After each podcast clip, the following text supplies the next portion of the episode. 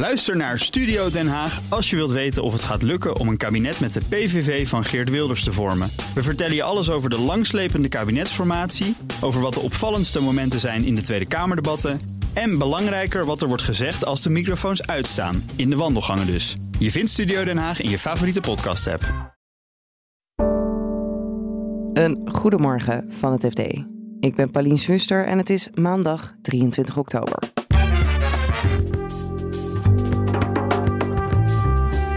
Het Openbaar Ministerie heeft een gesprek tussen Siewert van Linde en journalisten van de correspondent afgeluisterd. Je wil niet een vertrouwelijk gesprek voeren met het risico dat uh, het Openbaar Ministerie achter de deur zit met een koptelefoontje op. Nederlandse bedrijven zijn beter gewapend tegen gijzelsoftware. Je hebt gewoon een hoop bedrijven die op het moment dat ze getroffen worden zeggen van nou, zet het maar online, uh, doe maar en ik betaal niet. En de examenfraude onder Nederlandse accountants is een probleem voor hun onkreukbare reputatie. Als dit dan al niet goed is, wat gaat er dan nog meer wel niet goed? Dit is de dagkoers van het FD. We beginnen bij de examenfraude die zich als veenbrand verspreidt in de Nederlandse accountancy. Er vielen al ontslagen bij KPMG en vorige week stapte het boegbeeld van Deloitte op omdat zijn positie onhoudbaar werd. Reden voor onze Zuidas-redacteur Martijn Pols om uit te zoeken in wat voor examens nou precies werd gefraudeerd. Voor zover wij begrijpen, eh, eigenlijk met alle soorten testen, toetsen en examens die accountants moeten doen. Misschien wel goed om toe te lichten, maar dat zijn er echt heel veel in dat, eh, in dat beroep. Het gebied van cybersecurity, compliance, uh, witwassen. Dat, dat geldt eigenlijk voor iedereen die bij zo'n kantoor werkt. Accountants moeten daarnaast ook nog hun eigen vakkennis op peil houden. Dat heet permanente educatie. En dan is er ook nog een, eh, een toets van hun beroepsorganisatie, een heel zwaar examen wat ze om de twee jaar moeten doen. We kregen te horen van een van de kantoren dat zij 80 verschillende toetsen uh, moeten onderzoeken nu in dit hele uh, gebeuren. Wat al aangeeft dat er heel veel examens en toetsen worden gemaakt, ook door accountants. Ja, we weten natuurlijk niet precies wat er uit die onderzoeken gaat komen. Maar is dan de verwachting dat er met al dit soort toetsen wordt gefraudeerd? Dat is wel de indruk die wij nu krijgen. Uh, en de belangrijkste indruk, denk ik, die wij hebben gekregen, is dat iedereen wel zegt. Ik ken mensen die mij wel eens antwoorden hebben gegeven. Of ik weet dat collega's antwoorden hebben gedeeld met elkaar. Wat wij er vooral ook uit hebben gehaald, is dat dit, dat zware examen van de beroepsorganisatie MBA.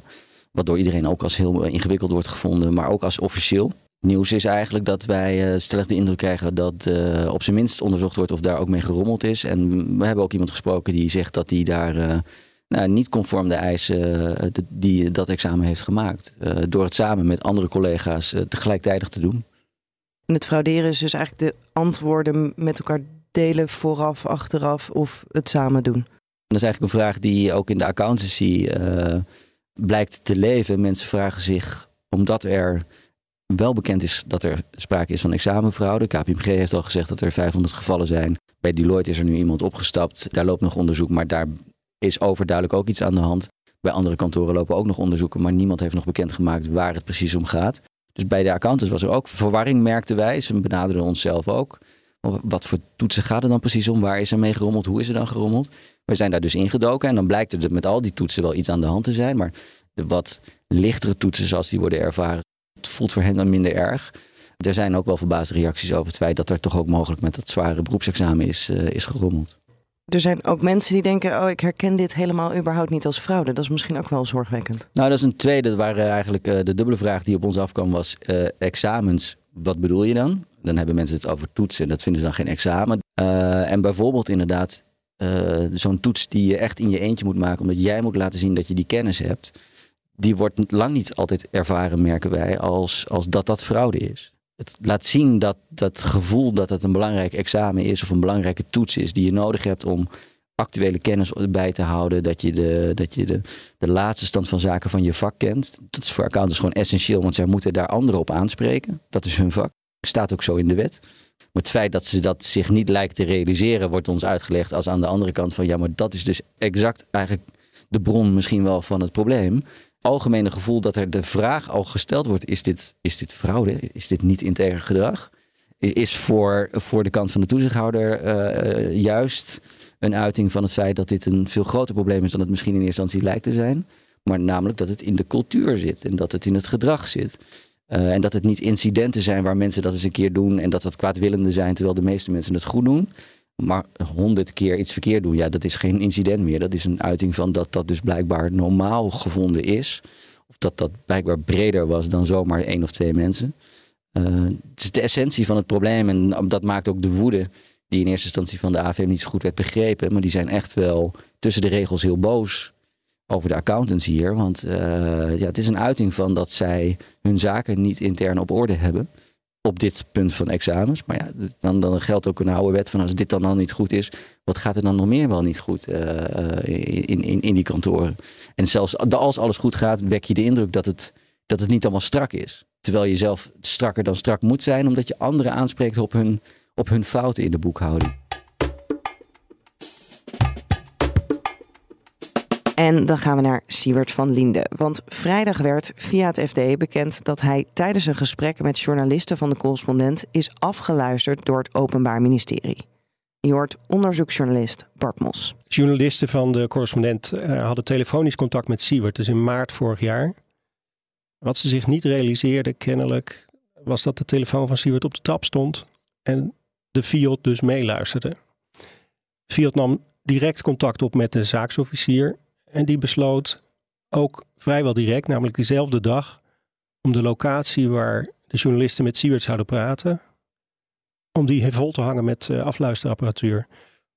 Dus daar is s'nachts een operatie geweest om in dat kasteel in Vorden drie uh, richtmicrofoons in de ruimte te hangen en ook nog eentje buiten zelfs, want voor het geval ze buiten een sigaretje gingen roken, werd er buiten ook nog een microfoon opgehangen. En nu is er dus een heel verslag van het gesprek wat zij met elkaar hebben gehad.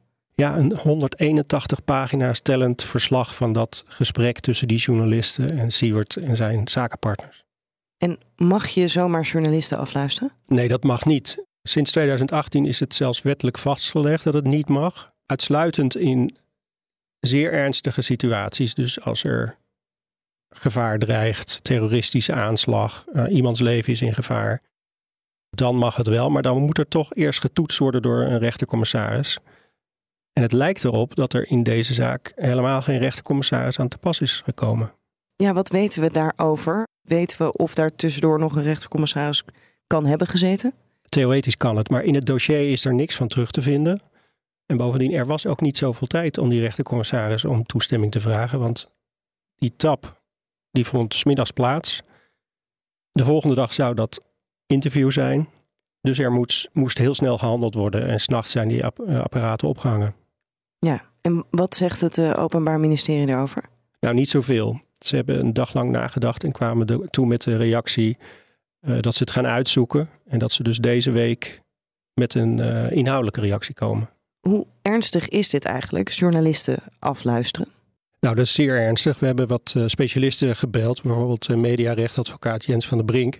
Die spreekt van een doodzonde. Die zegt bijvoorbeeld uh, waarheidsvinding is belangrijk, maar een vrije pers is veel belangrijker. En, en Thomas Bruning, dat is de secretaris van de journalistenvakbond NVJ, die noemt het ontluisterend. En die zegt, ja, het lijkt wel alsof we voor niks uh, die wet op bronbescherming hebben afgesproken. Want die is nu uh, flagrant geschonden. En wat is dan de angst dat er gebeurt als nou ja, je weet dat je zo afgeluisterd kan worden? Nou, je zou je goed kunnen voorstellen dat bronnen liever niet met journalisten praten als er kans bestaat dat uh, de staat meeluistert. Je wil niet een vertrouwelijk gesprek voeren met het risico dat uh, het Openbaar Ministerie achter de deur zit met een koptelefoontje op. Ja, en wat is de reactie van Siewert en zijn zakenpartners? Nou, ik heb de advocaat van een van die zakenpartners, Bernd uh, Damme, gesproken. Ja, uh, Hanja He is dat. En die zegt, ja, dit zou wel eens consequenties kunnen hebben voor als er sprake is straks van een uh, strafrechtelijke vervolging want dat besluit moet nog uh, genomen worden. Dan zou het kunnen zijn dat als dit in strijd met de wet gebeurd is, dat dat, dat ook consequenties gaat hebben voor de strafrechtelijke vervolging van de drie. Ja, en wat zegt de correspondent daarover? Die gaan zelf onderzoeken of zij mogelijk stappen kunnen ondernemen tegen het Openbaar Ministerie. Want ja, het waren hun journalisten die werden afgeluisterd. En tot slot goed nieuws voor Nederlandse bedrijven en slecht nieuws voor hackers. Want onze bedrijven zijn minder kwetsbaar voor gijzelsoftware. En dat terwijl er wereldwijd nog wel steeds meer aanvallen zijn, vertelt tech-redacteur Stijn van Giels. Dat zou ook zo weer kunnen veranderen ooit. Maar voor nu is het zo dat Nederlandse bedrijven hun beveiliging best redelijk op orde eh, hebben. Uh, en ook uh, ja, vaak backups hebben gemaakt. Uh, en dat betekent dat als je een keer getroffen wordt, die kans is sowieso wat kleiner, maar als je getroffen wordt, dan ja, heb je het risico dat jouw data op straat raakt, maar je hebt je data zelf nog wel. En, en je hebt gewoon een hoop bedrijven die ehm, op het moment dat ze getroffen worden zeggen van nou, zet het maar online, doe maar, en ik betaal niet.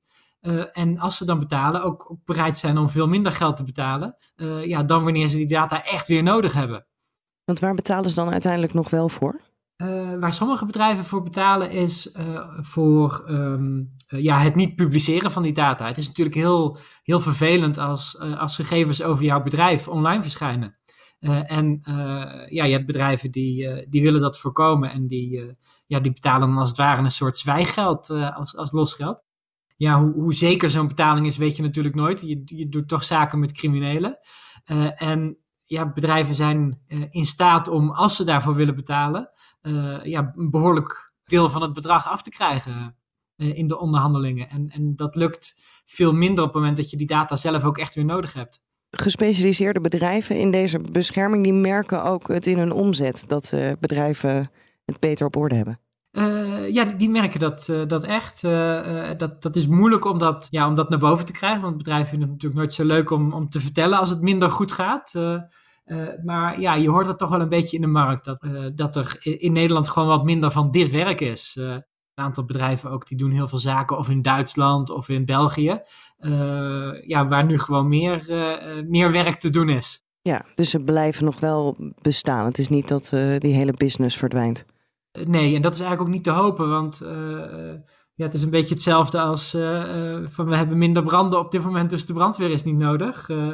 ja, dit, dit kan ook zo in de tijd weer veranderen. Dus het is denk ik heel goed dat die, dat die branche wel blijft bestaan. Maar je ziet wel ook binnen die bedrijven een, een verschuiving. Het, het incident response werk, zo heet dat dan. dus het op locatie gaan en, en bedrijven er weer bovenop helpen die getroffen zijn dat, dat is sowieso best wel grillig. Uh, en je kunt ook een hoop andere diensten aanbieden. Uh, wat die, uh, die bedrijven goed weten is, ja, zij, zij kijken bij een bedrijf hoe dat zo'n bedrijf uiteindelijk gehackt is en helpen dan op locatie verder. maar die kennis kun je ook gebruiken om van tevoren een, een, een, klant door te lichten en te kijken waar de zwakke plekken zitten. en daar kunnen ze net zo goed bij helpen. Ja, hoe, hoe komt het eigenlijk dat Nederland zijn zaakjes zo goed op orde heeft vergeleken met de rest? Ja, er, er is uh, in Nederland de afgelopen tijd best wel veel aandacht geweest voor cyberveiligheid. Dat, dat zal allicht wat schelen. Ja, op allerlei plekken is er toch vaak gezegd van nou, je moet dingen als twee-factor autorisatie hebben. En dat betekent dat, dat mensen niet alleen met een wachtwoord inloggen, maar ook nog met wat anders. Uh, en daar wordt toch door veel organisaties ook gehoor aan gegeven om dat in het beleid te veranderen. Dus dat scheelt. Verder is het ook zo dat Nederlandse bedrijven vaak hun, hun diensten in de cloud afnemen. En ook daar kun je gehackt worden, maar ja, de beveiliging van zo'n cloud uh, wordt vaak door een professionele partij gedaan en, en wat minder door het bedrijf zelf. Uh, dus ook dat zal, zal wat schelen.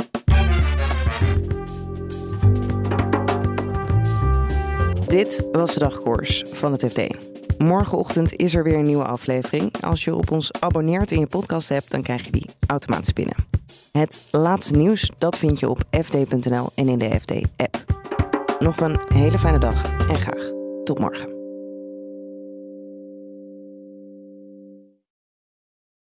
Ook Bas van Werven vind je in de BNR-app. Ja, je kunt live naar mij en Iwan luisteren tijdens de ochtendspits. Je krijgt een melding van Breaking News. En niet alleen onze podcast Ochtendnieuws, maar alle BNR-podcasts vind je in de app. Download nu de gratis BNR-app en blijf scherp.